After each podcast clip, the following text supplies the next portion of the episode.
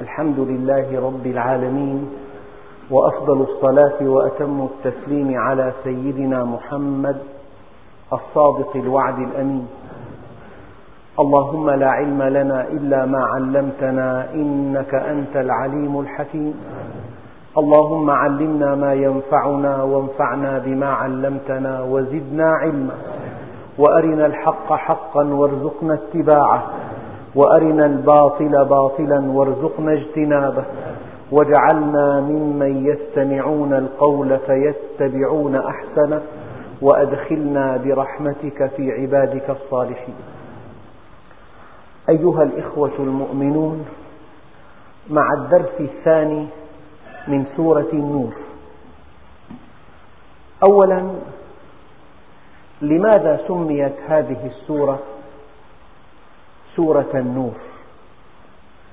بعضهم يقول لأن ما فيها من أحكام تشريعية وما فيها من آداب خلقية وما فيها من أصول أسروية تعد بمثابة النور الذي يلقى على حياة المجتمع.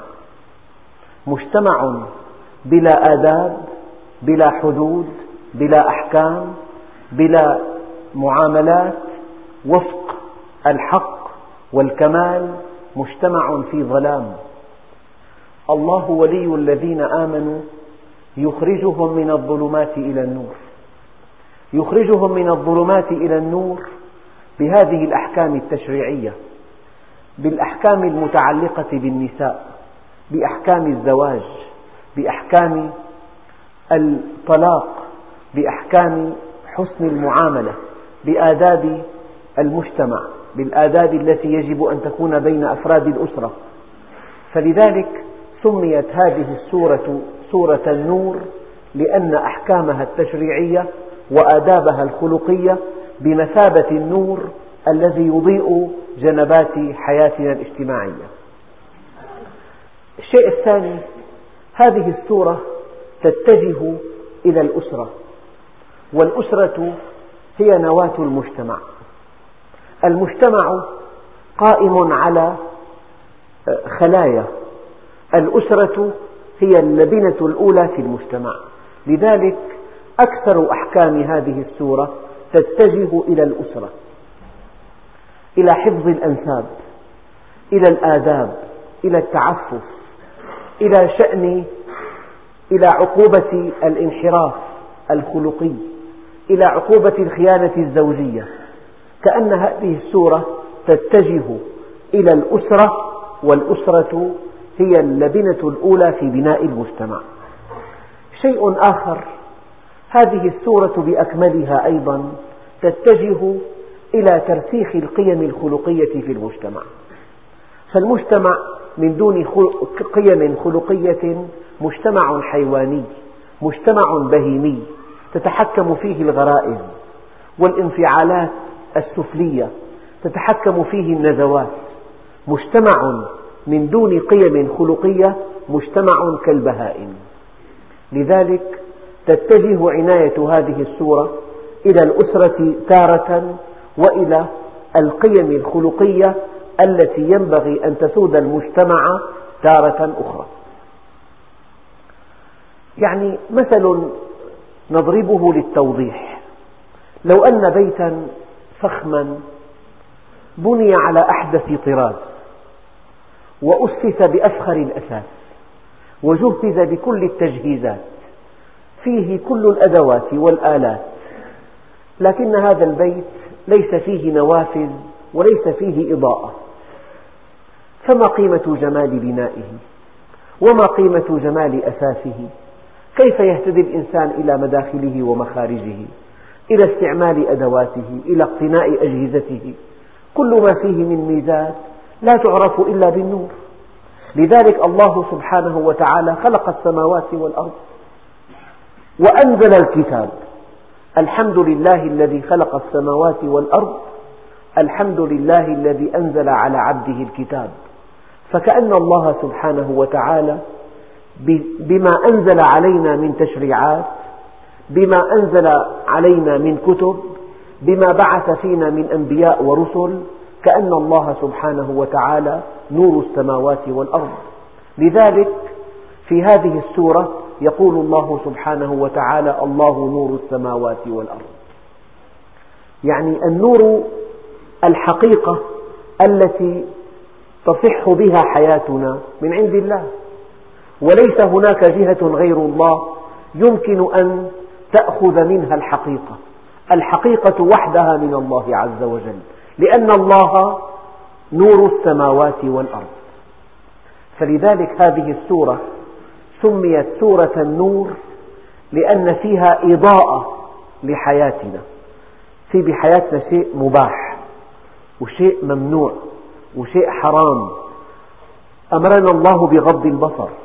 أمرنا بحفظ الفرج أمرنا بعدم الاختلاط أمرنا بالزواج نهانا عن الزنا جعل للزنا حدا رادعا وحدا قاسيا.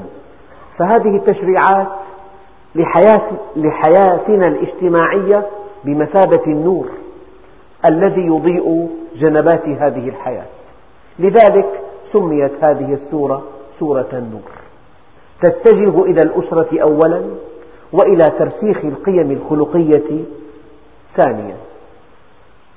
وهذا النور الذي سميت به هذه السورة مضاف إلى ذات الله عز وجل. الله نور السماوات والأرض. يعني ما من مشكلة تقع في المجتمع إلا وراءها معصية.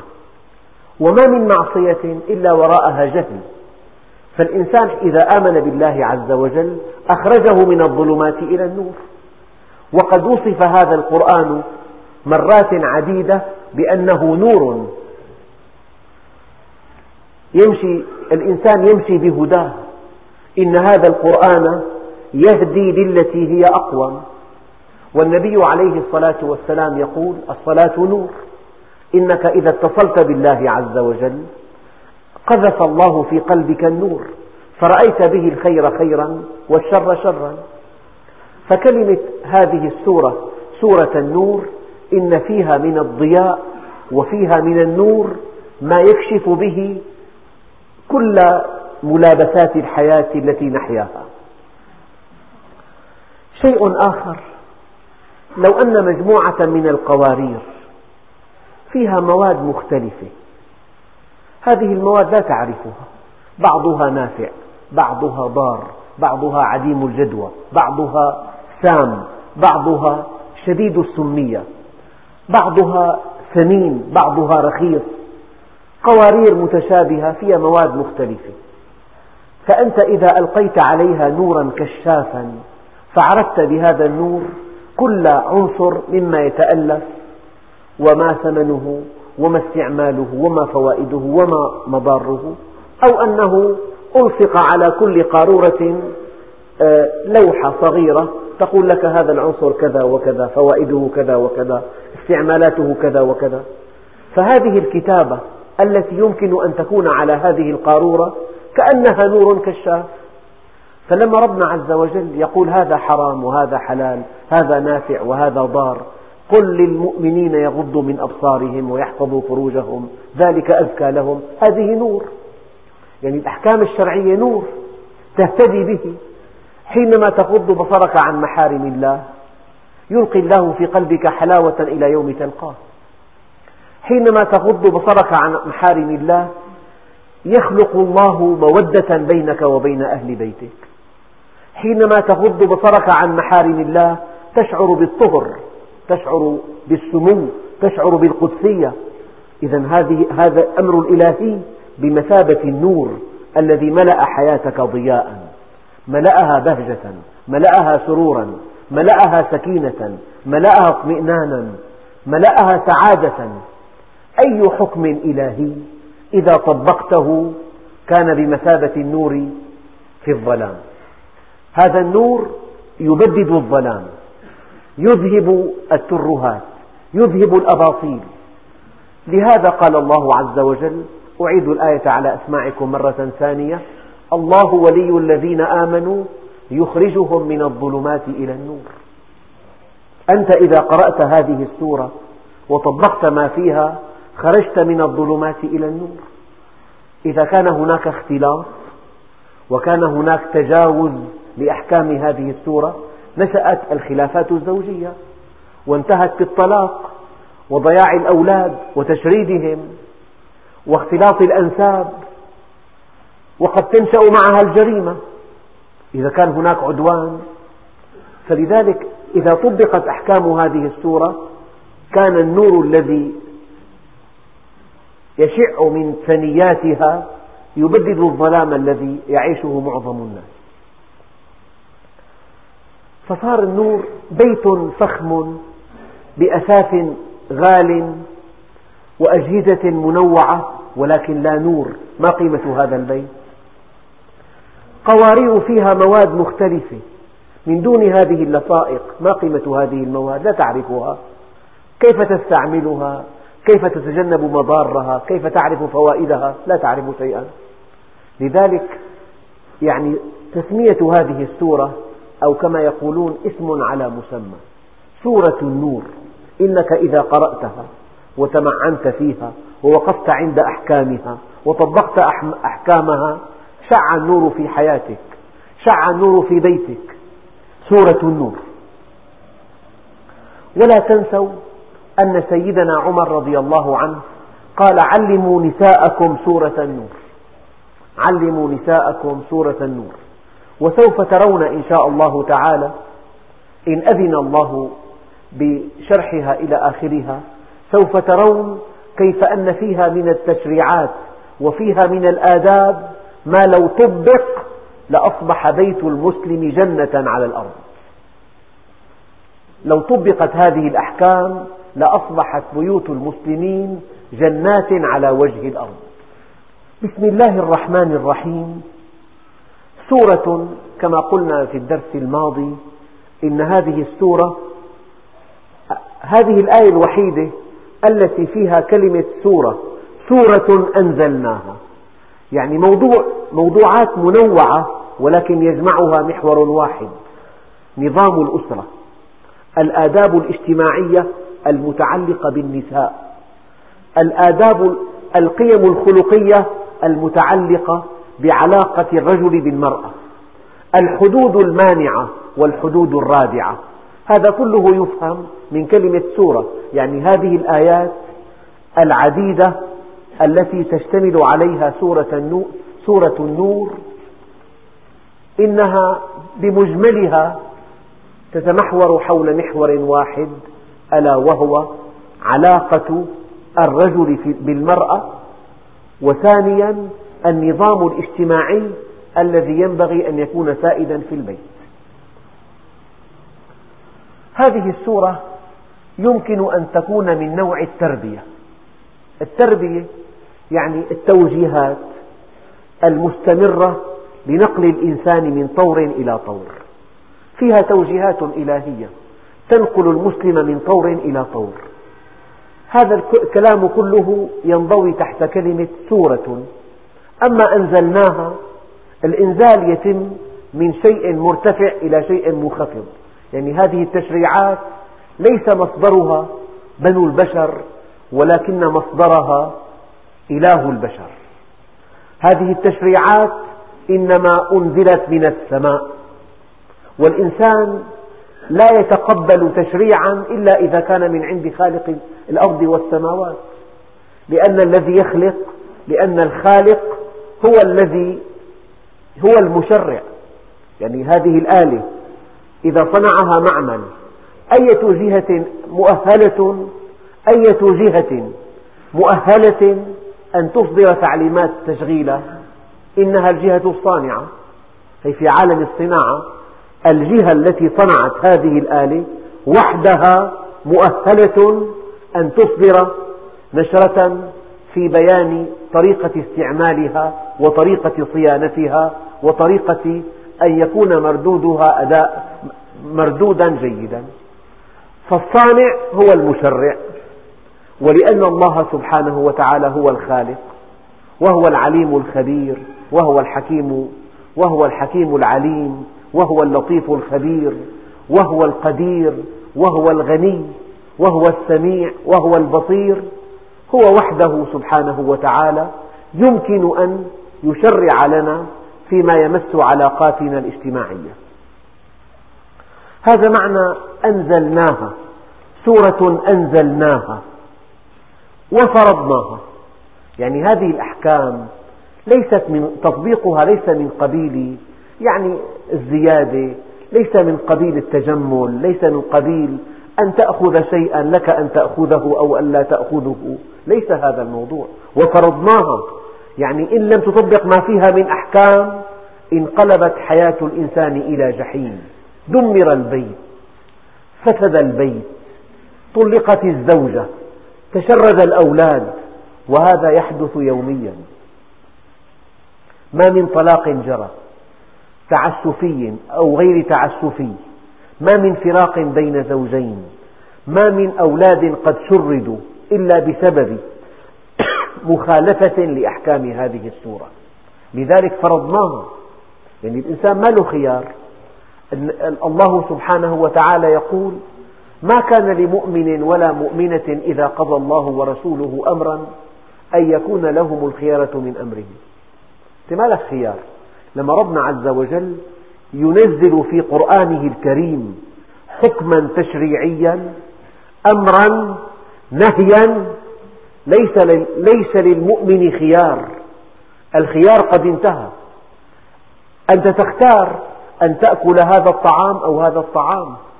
أنت هنا مخير. أنت تختار أن تسكن في هذا الحي أو في هذا الحي. أن تقترن بهذه المرأة أو بتلك. ولكن فيما أنزله الله من أحكام تشريعية ليس لك خيار. لقول الله عز وجل ما كان لمؤمن ولا مؤمنة إذا قضى الله ورسوله أمرا أن يكون لهم الخيرة من أمرهم. يعني الله عز وجل أمرنا بغض البصر. تقول لي إنه والله ممكن مو ممكن الزمان صعب الوقت معقد فساد عام الطريق مليء بالنساء الكاسيات العاريات. هذا كلام مرفوض. لأن ربنا عز وجل قال لا يكلف الله نفسا إلا وسعها. لا يكلف الله نفسا إلا وسعها. لا يمكن أن يكون الأمر الإلهي إلا في إمكان كل إنسان يطبقه. فلذلك أنزلناها وفرضناها. الفرض إذا قلت تتوقف حياتي على شرب الماء فشرب الماء فرض تتوقف حياتي على تنفس الهواء تنفس الهواء فرض تتوقف سعادتي في الدنيا والآخرة على تطبيق هذه الأحكام فهذه الأحكام هي فرض من قبل الله عز وجل. لذلك سورة أنزلناها وفرضناها. يعني الأوامر التي سوف تأتي في هذه السورة لا مجال للحل الوسط فيها. ما في حل وسط يعني دائما يقول بعض الصناع الآلة ما فيها حل وسط إما أن تكون وفق ما صممت وإما أن تقف عن العمل. كذلك الإنسان إما أن يطبق هذا التشريع بكل ما فيه بجمله وتفصيلاته أو أن حياته تصبح حياة منكدة حياة فيها الشقاء وفيها الهلاك. سورة أنزلناها وفرضناها وأنزلنا فيها آيات بينات.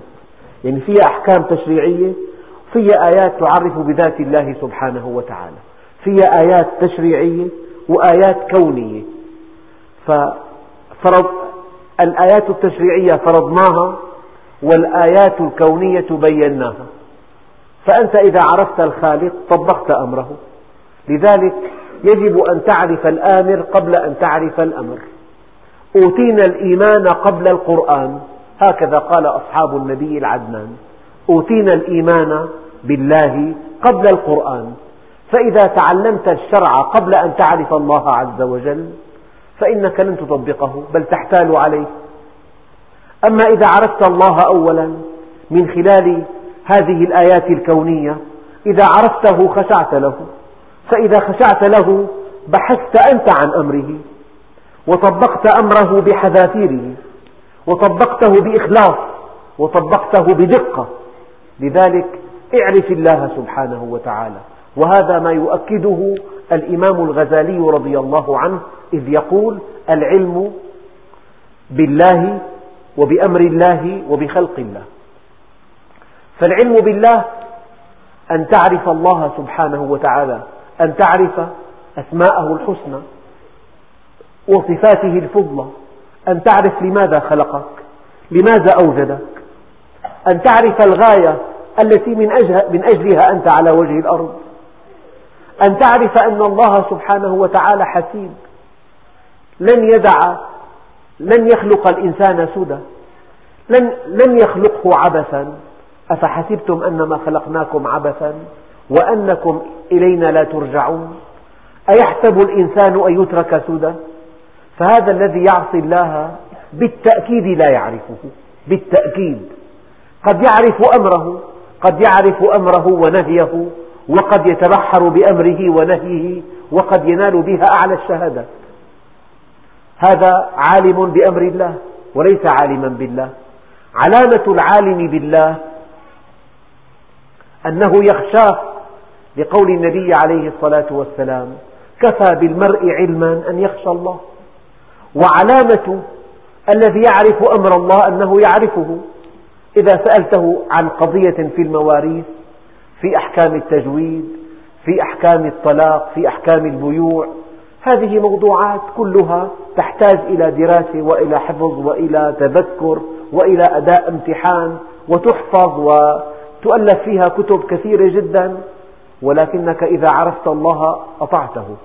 وإذا عرفت هذه الأحكام حفظتها. لا يغنيك إلا أن تعرف الله. فإذا عرفت الله فتعلم بعدها كل شيء. لأن كل شيء بعد معرفة الله كالصفر أمام الواحد. معرفة الله واحد هي الأساس. إذا عرفت بعض الأحكام التفصيلية فهذا صفر أمام الواحد. صاروا عشرة. إذا علمت أحكام المواريث عشرة. أحكام البيوع مية صاروا. أحكام النكاح ألف صاروا. إذا عرفت أصول الفقه عشرة آلاف. إذا عرفت الأشياء الإسلامية الدقيقة كل ما عرفت علما أضيف إلى ذخيرتك. فإذا عرفت كل هذه العلوم ولم تعرف الله عز وجل هذه كلها أصفار. ما في واحد لأنه. لذلك أصل الدين معرفته كما يقول الإمام علي كرم الله وجهه. أصل الدين معرفته. ابن آدم اطلبني تجدني. فإذا وجدتني وجدت كل شيء. وإن فتك فاتك كل شيء وأنا أحب إليك من كل شيء. سورة أنزلناها وفرضناها وأنزلنا فيها آيات بينات لعلكم تذكرون. الإنسان لأنه التدين عنده بالفطرة. أحيانا تأتي الشهوات وتأتي, وتأتي الدنيا وما فيها من متاعب تطمس هذه الفطرة. فهذه الآيات للتذكرة. يعني كل إنسان بالفطرة يعرف الله عز وجل. فإذا انطمست هذه الفطرة احتاج إلى مذكرات. لو أن الإنسان كان صافيا كان بعيدا عن كل مشكلة بعيدا عن كل آه، قضية عن كل هم عن كل إغراء عن كل ضغط لو ابتعد عن هذه عن وحول الحياة تستيقظ منه الفطرة. فطرته تدعوه إلى الإيمان بالله عز وجل وإلى طاعته. هذه النفس لا تسعد إلا إذا أوت إلى الله عز وجل. لا تسعد. جربوا. ومن أعرض عن ذكري فإن له معيشة ضنكا ونحشره يوم القيامة أعمى. من عمل صالحا من ذكر أو أنثى وهو مؤمن فلنحيينه حياة طيبة. فلذلك الإنسان لا يسعد إلا بالله عز وجل. لعلكم تذكرون لأن الفطرة طيبة. فطرة الله التي فطر الناس عليها. الإنسان بالأصل يعني فطرته سامية. لذلك الأجانب إذا تحدثوا عن بعض الانحرافات الخلقية يقولون إن هذه الانحرافات تسبب شعورا بالكآبة. فعلا. لماذا؟ لأن هذا الشعور بالكآبة هو تحرك الضمير تحرك الفطرة العالية. الحق حق والباطل باطل في كل مكان وفي كل زمان.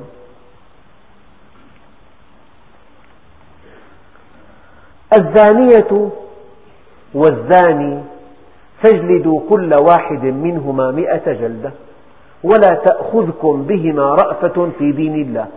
إن كنتم تؤمنون بالله واليوم الآخر وليشهد عذابهما طائفة من المؤمنين. طبعا ربنا سبحانه وتعالى حينما أودع فينا هذه الشهوة هذه أودعها لحكمة بالغة وهذه الشهوة لا يمكن أن توصف بأنها شريرة ولا خيرة إنها حيادية قوة دافعة تدفعك إلى شيء ما. الله سبحانه وتعالى أودع في نفس كل إنسان حب النساء والعكس بالعكس. زين للناس حب الشهوات من النساء والبنين والقناطير المقنطرة من الذهب والفضة والخيل المسومة والأنعام والحرث. ذلك متاع الحياة الدنيا.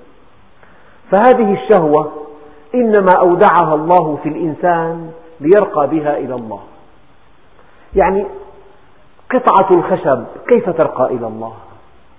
لا تحب ولا تكره ولا تغضب. لكن الإنسان بما فيه من شهوات إذا ضبطها ارتقى إلى الله عز وجل. إذا مرت امرأة سافرة وغضضت بصرك عنها فعلت هذا من أجل من؟ من أجل الواحد الديان. لأن هذا أمره. نفسك تميل إليها. لكن إرادتك ألزمتك أن تغض البصر عنها. من هنا ارتقيت. من هنا ارتقيت إلى الله صابرا. فإذا تبعت الطريق المشروعة التي رسمها الله عز وجل ارتقيت إلى الله شاكرا. فالشهوة في الأصل لا يمكن أن تسمى شريرة. الله سبحانه وتعالى أودع فينا هذه الشهوة من أجل أن تنشأ الأسرة. يعني إذا, إذا وجدت سيارة قد تدهورت في قاع الوادي هل تقول يا أخي هذا المعمل هو الذي فعل هذا الحادث؟ لا. المعمل صنع هذه السيارة من أجل أن تركبها وتنتقل بها من مكان إلى مكان. أما هذا السائق الذي قادها مخمورا ونزل بها في الوادي هو الذي أساء فهل توصف هذه السيارة بأنها شريرة؟ لا. صانعها صنعها من أجل أن تقوم بخدمتك. كذلك الشهوات إنما أودعها الله في الإنسان لترقى به لا لتهلكه. هو إذا أساء استخدامها يهلك نفسه. يعني شيء بسيط جدا ثلاث مساحيق بيضاء سكر وملح ومنظف. فإذا وضعت السكر في الشاي فهذا عمل خير. تشرب الشاي وتحمد الله عليه. وإذا وضعت الملح في الطبخ تأكل هذا الطعام وتحمد الله عليه. وإذا غسلت الصحون بهذا المسحوق تحمد الله على هذه النعمة نعمة الصابون. فإذا وضعت هذا المسحوق التنظيفي في الطبخة ألقيتها في سلة المهملات وإذا وضعت الملح في الشاي لفظت هذا الشاي. ما هو الشر حينما تسيء استخدام هذه المواد؟ الشر هو إساءة الاستخدام. المواد كلها خيرة. يعني حينما تتزوج وتنجب الأولاد ويكبر الأولاد وترى أن هذه الأسرة عش إسلامي فيه السعادة والسرور والطمأنينة والوفاء والمحبة والأنس. تشعر أن الحياة الزوجية فيها أنس. ربنا عز وجل قال ومن آياته من آياته الشمس والقمر من آياته الليل والنهار. آياته كثيرة جدا. ومن آياته أن خلق لكم من أنفسكم أزواجا لتسكنوا إليها وجعل بينكم مودة ورحمة. فربنا سبحانه وتعالى حينما أودع في الإنسان هذه الشهوة من أجل أن تنشأ الأسرة وهي اللبنة الأولى في المجتمع. لا من أجل الزنا لا من أجل السفاح لا من أجل دور له لا من أجل الأفلام الساقطة. لا هذا كله خلاف الأصول. هي كلها قنوات قذرة. في قناة نظيفة واحدة هي قناة الزواج. ما غير قناة واحدة. هذه الشهوة التي أودعها الله في الإنسان جعل لها قناة نظيفة طاهرة. خيرة مسعدة تأنس بها. وما سوى هذه القناة فالقنوات كلها قذرة. فالزانية والزاني فاجلدوا كل واحد منهما مئة جلدة. تحدثت في الدرس الماضي عن أن التشريع, التشريع لا قيمة له إلا إذا دعم بمؤيد أي بعقاب. فالإنسان من طبيعته التفلت فالإنسان حينما يعرف أنه إذا زنى فلا بد من أن يلقى في ساحة عامة وأن يجلد على مرأى من الناس مئة جلدة فإنه يعد للمليون قبل أن يزني. يعني إن الله عز وجل كما, كما قيل يزع بالسلطان ما لا يزعه بالقرآن. سبحانه وتعالى قال الزاني فاجلدوه ثمانمائة جلدة. لشمل هذا الحكم الزانية على طريقة القرآن الكريم في كل الآيات. ولكن هنا لئلا يتوهم بعضهم أن الزاني هو وحده المعاقب بينما الزانية لم يكن, دور لم يكن دورها إيجابيا. إن الزانية جرمها في الزنا لا يقل عن جرم الزاني. فلذلك ربنا سبحانه وتعالى من باب التأكيد. لو أنه قال الزاني فاجلدوه مئة جلدة لانطبق هذا الحكم على الزانية. ولكن لئلا نقع في التباس لئلا يفهم من هذا الحكم أن المرأة إذا زنت لا شيء عليها ربنا سبحانه وتعالى يقول الزانية والزاني. فاجلدوا كل واحد منهما مئة جلدة. لكن في آية في سورة النساء واللاتي يأتين الفاحشة من نسائكم فاستشهدوا عليهن أربعة منكم فإن شهدوا فأمسكوهن في البيوت حتى يتوفاهن الموت أو يجعل الله لهن سبيلا. هذه الآية في سورة النساء كانت مضمونها أن المرأة إذا زنت يجب أن تحبس بالبيت حتى يتوفاها الله ويجب أن تؤذى بالكلام. هذا الحكم نسخ بهذه الآية. لماذا نسخ؟ أن ربنا عز وجل حكيم. الأشياء التي كانت مستحكمة في الجاهلية كالخمر والزنا جاء تحريمها تدريجيا. لأن النقلة المفاجئة قد تسبب صعق. وهذا تعليم لنا. الزنا كان متفشيا جدا في الحياة الجاهلية. بل إن الزانية كانت تضع على بيتها علامة تفتخر بها. بل إن الرجال كانوا يشتركون في امرأة واحدة زواجا. فوضى. فوضى في العلاقات الزوجية. فلذلك ربنا سبحانه وتعالى بدأ بهذا, بدأ بهذا التعزير أن تحبس المرأة الزانية في البيت حتى يتوفاها الموت فلما نزلت هذه الآية نسخت تلك الآية. وهذا النسخ معناه التدريج في التشريع. كيف أن الله سبحانه وتعالى قال ولا تقربوا الصلاة وأنتم سكارى ثم جاء التحريم القطعي. كيف كان التدريج في تحريم الخمر؟ كذلك كان التدريج في حد الزنا. من تعزير بمثابة حبس في البيت حتى الموت إلى الجلد مئة جلدة.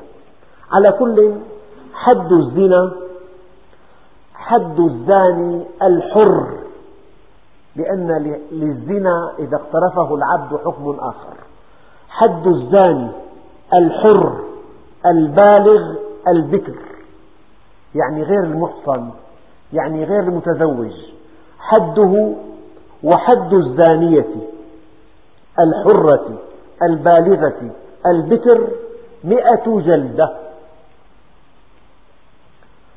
وأما الزاني المحصن المتزوج هذا ما له يعني لو فرضنا أردنا أن نبحث عن أسباب مخففة لهذا الزاني البكر. الزاني الحر البالغ العاقل البكر. لو أردنا أن نبحث له عن بعض المخففات لوجدناه بدافع الشهوة بدافع الحرمان بدافع الضغط. لذلك حده مئة جلدة. لكن هذا الزاني المحصن الذي أكرمه الله بزوجة. هذا ما عذره. ما عذره. ليس له عذر. ضغط الشهوة لا أصل له. هذا الشيء محقق عنده. ولكنه الفساد في الأرض. ولكنه إفساد العلاقات العلاقات الزوجية. ولكنه تضييع الأنساب. ولكنه انتهاك الحرمات. ولكنه العدوان على زوج هذه المرأة. العدوان على زوجها والعدوان عليها بأن جعلها زانية والعدوان على أولادها بالتشريد والعدوان على نفسه بجريمة الزنا. إن هذا الزاني غير المحصن. ثبت في السنة أن حده الرجم حتى الموت. وبعضهم يستنبط من قوله تعالى إنما جزاء الذين يحاربون الله ورسوله ويسعون في الأرض فساد. وهل من فساد أبلغ من أن يزنى بامرأة لها زوج وأولاد؟ وهل من فساد أبلغ من أن يزني الرجل وله زوجة وأولاد؟ تضيع الأنساب. يلحق الابن بغير أبيه. تنتقل المرأة من زوجة طاهرة إلى امرأة بغي. ينشأ الأولاد على انحراف خلقي يضيعون أو يشردون. فلذلك إنما جزاء الذين يحاربون الله ورسوله ويسعون في الأرض فسادا إلا أن يقتلوا أن يقتلوا يعني حتى الموت. لكن هناك بعض الأحكام الفرعية المتعلقة بالزنا. أولا هناك خلاف حول الجمع بين الجلد والرجم والجمهور على أنه لا يجمع. يعني بعض الفقهاء رأوا أن الزاني المحصن يجلد ويرجم بينما جمهور العلماء على أنه يرجم فقط من دون جلد. وهناك خلاف حول تغريب الزاني غير المحصن مع جلده. التغريب أن ينفى من مدينته. هذا الموضوع أيضا خلافي وهناك خلاف حول حد الزاني غير الحر. ثلاث موضوعات خلافية تترك لكتب الفقه ولبعض الموسوعات الفقهية ما هو حد الزاني غير الحر. حد الزاني غير الحر. وما حد وهل يغرب الزاني غير المحصن مع الجلد؟ وحول الجمع بين الجلد والرجم؟ هذه الموضوعات الثلاثة خلافية. أما الزاني غير المحصن حده أن يجلد مئة جلدة. والزاني المحصن حده الرجم حتى الموت وقد ثبت هذا بالسنة المطهرة.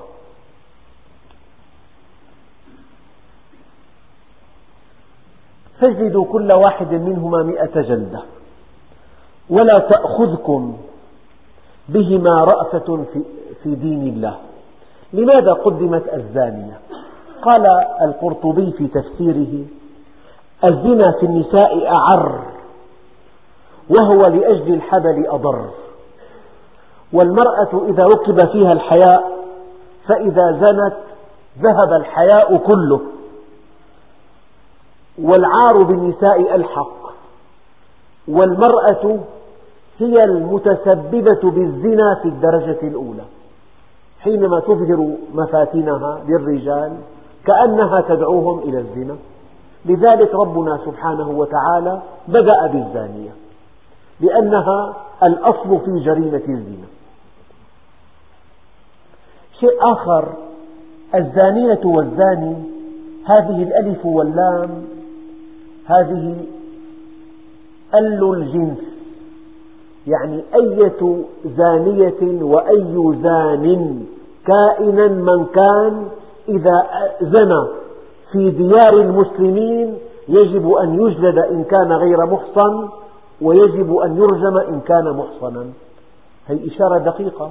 الآن الدول قوانينها نافذة على أرضها في حق كل إنسان يطأ أرضها سواء أكان من جنسيتها أو من غير جنسيتها.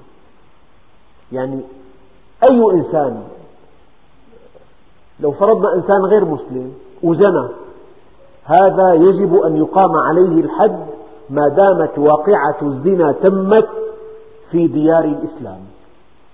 هذه إشارة دقيقة جدا. يعني كل من يسكن مع المسلمين يجب أن يلزم حدودهم ويجب أن يطيع تشريعهم ويجب أن يدفع ثمن المخالفة. أي إنسان ولو كان غير مسلم إذا سرق تقطع يده ما دامت هذه السرقة تمت في بلاد المسلمين. لذلك الزانية يعني جنس الزاني وجنس الزانية كائنا من كان مسلما أو غير مسلم فاجلدوا فهذه الأل واللام الألف واللام ألف واللام تسمى في علم النحو ألف الجنس.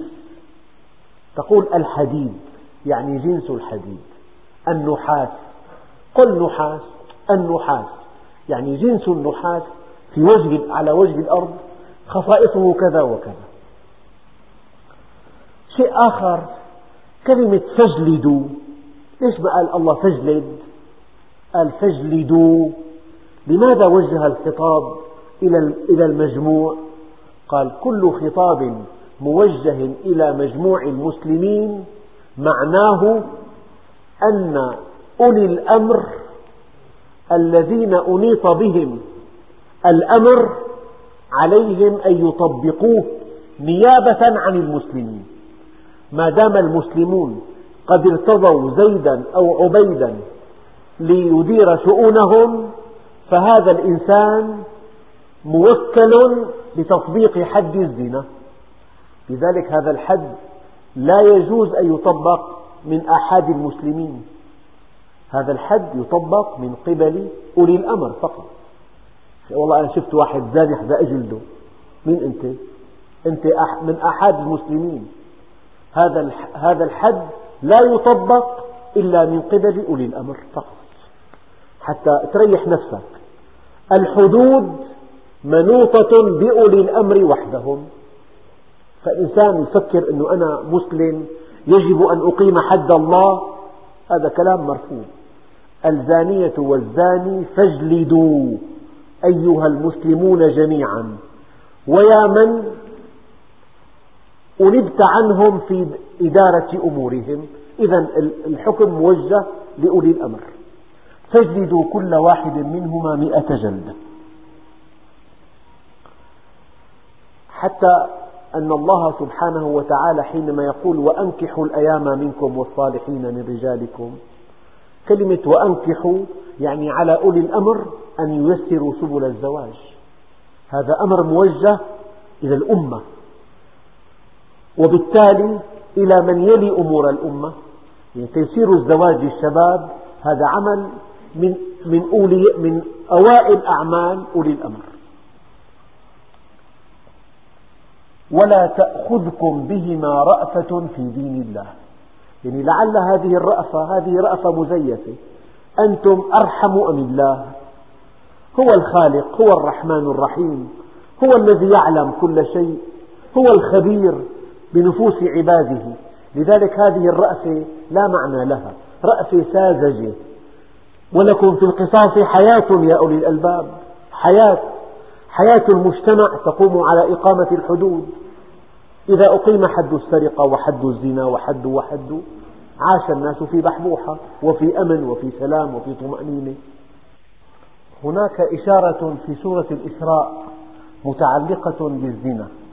يقول الله عز وجل ولا تقتلوا أولادكم خشية إملاق نحن نرزقهم وإياكم. إن قتلهم كان خطأ كبيرا. ولا تقربوا الزنا إنه كان فاحشة وساء سبيلا. ولا تقتلوا النفس التي حرم الله إلا بالحق. ومن قتل مظلوما فقد جعلنا لوليه سلطانا. فلا يسرف في القتل إنه كان منصورا. في سؤال. لماذا جاء النهي عن الزنا بين آيتي القتل؟ ولا تقتلوا أولادكم ولا تقتلوا النفس التي حرم الله. بينهما جاء النهي عن الزنا. استنبط بعض العلماء أن الزنا بمثابة القتل ولكن قتل معنوي. المرأة إذا زنت كأنها قتلت كأنها انهارت فقدت مكانتها وكذلك الرجل. فلذلك لشدة العناية بهذه الفضيلة فضيلة العفاف جاءت جريمة الزنا بين جريمتي القتل وكأنه قتل معنوي. إذا كان القتل المادي إزهاق الروح فالقتل المعنوي تضييع النفس واضمحلالها وذهاب كرامتها وشأنها وعزتها. هذا شيء. الشيء الآخر ولا تأخذكم بهما رأفة في دين الله. إن كنتم تؤمنون بالله واليوم الآخر. هذه الآية هذا أسلوب التهييج اسمه. يعني يقول له إذا كنت رجال افعل هيك. إذا كنت مؤمنا حقا فأقم هذا الحد. ولا تأخذكم بهما رأفة في دين الله إن كنتم تؤمنون بالله واليوم الآخر. يعني من لوازم المؤمن أن يبتعد عن الزنا ومن لوازم المؤمن أن يقيم هذا الحد. طبعا وليشهد عذابهما طائفة من المؤمنين. طيب لماذا؟ العلماء قالوا المشاهدون حقيقة الإنسان أحيانا يتلقى ضرب. إذا تلقى هذا الضرب وحده من الضارب فقط فالألم مادي. لكن إذا تلقى هذا الضرب أمام ملأ من الناس بعتقد الألم بيتضاعف آلاف الأضعاف بل ملايين الأضعاف. صار في عنا ضرب وفي عنا إهانة. فربنا عز وجل ليس المقصود أن يكون الجلد يعني مؤلما إلى درجة أنه يؤذي ولكن, ولكن أن يوضع الإنسان في ساحة عامة وأن يجلد على ملأ من الناس. فلان يا أعوذ بالله يا لطيف. فلان يجلد أين شأنه؟ أين كرامته؟ أين عزته؟ يعني هذا عقاب رادع عقاب مخيف وليشهد عذابهما طائفة من المؤمنين.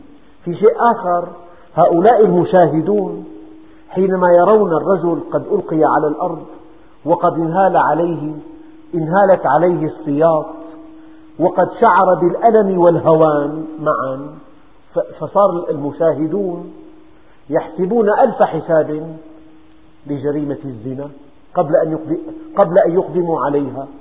كأن هذا الحد إذا أقيم على ملأ من الناس بمثابة التطعيم ضد مرض الزنا.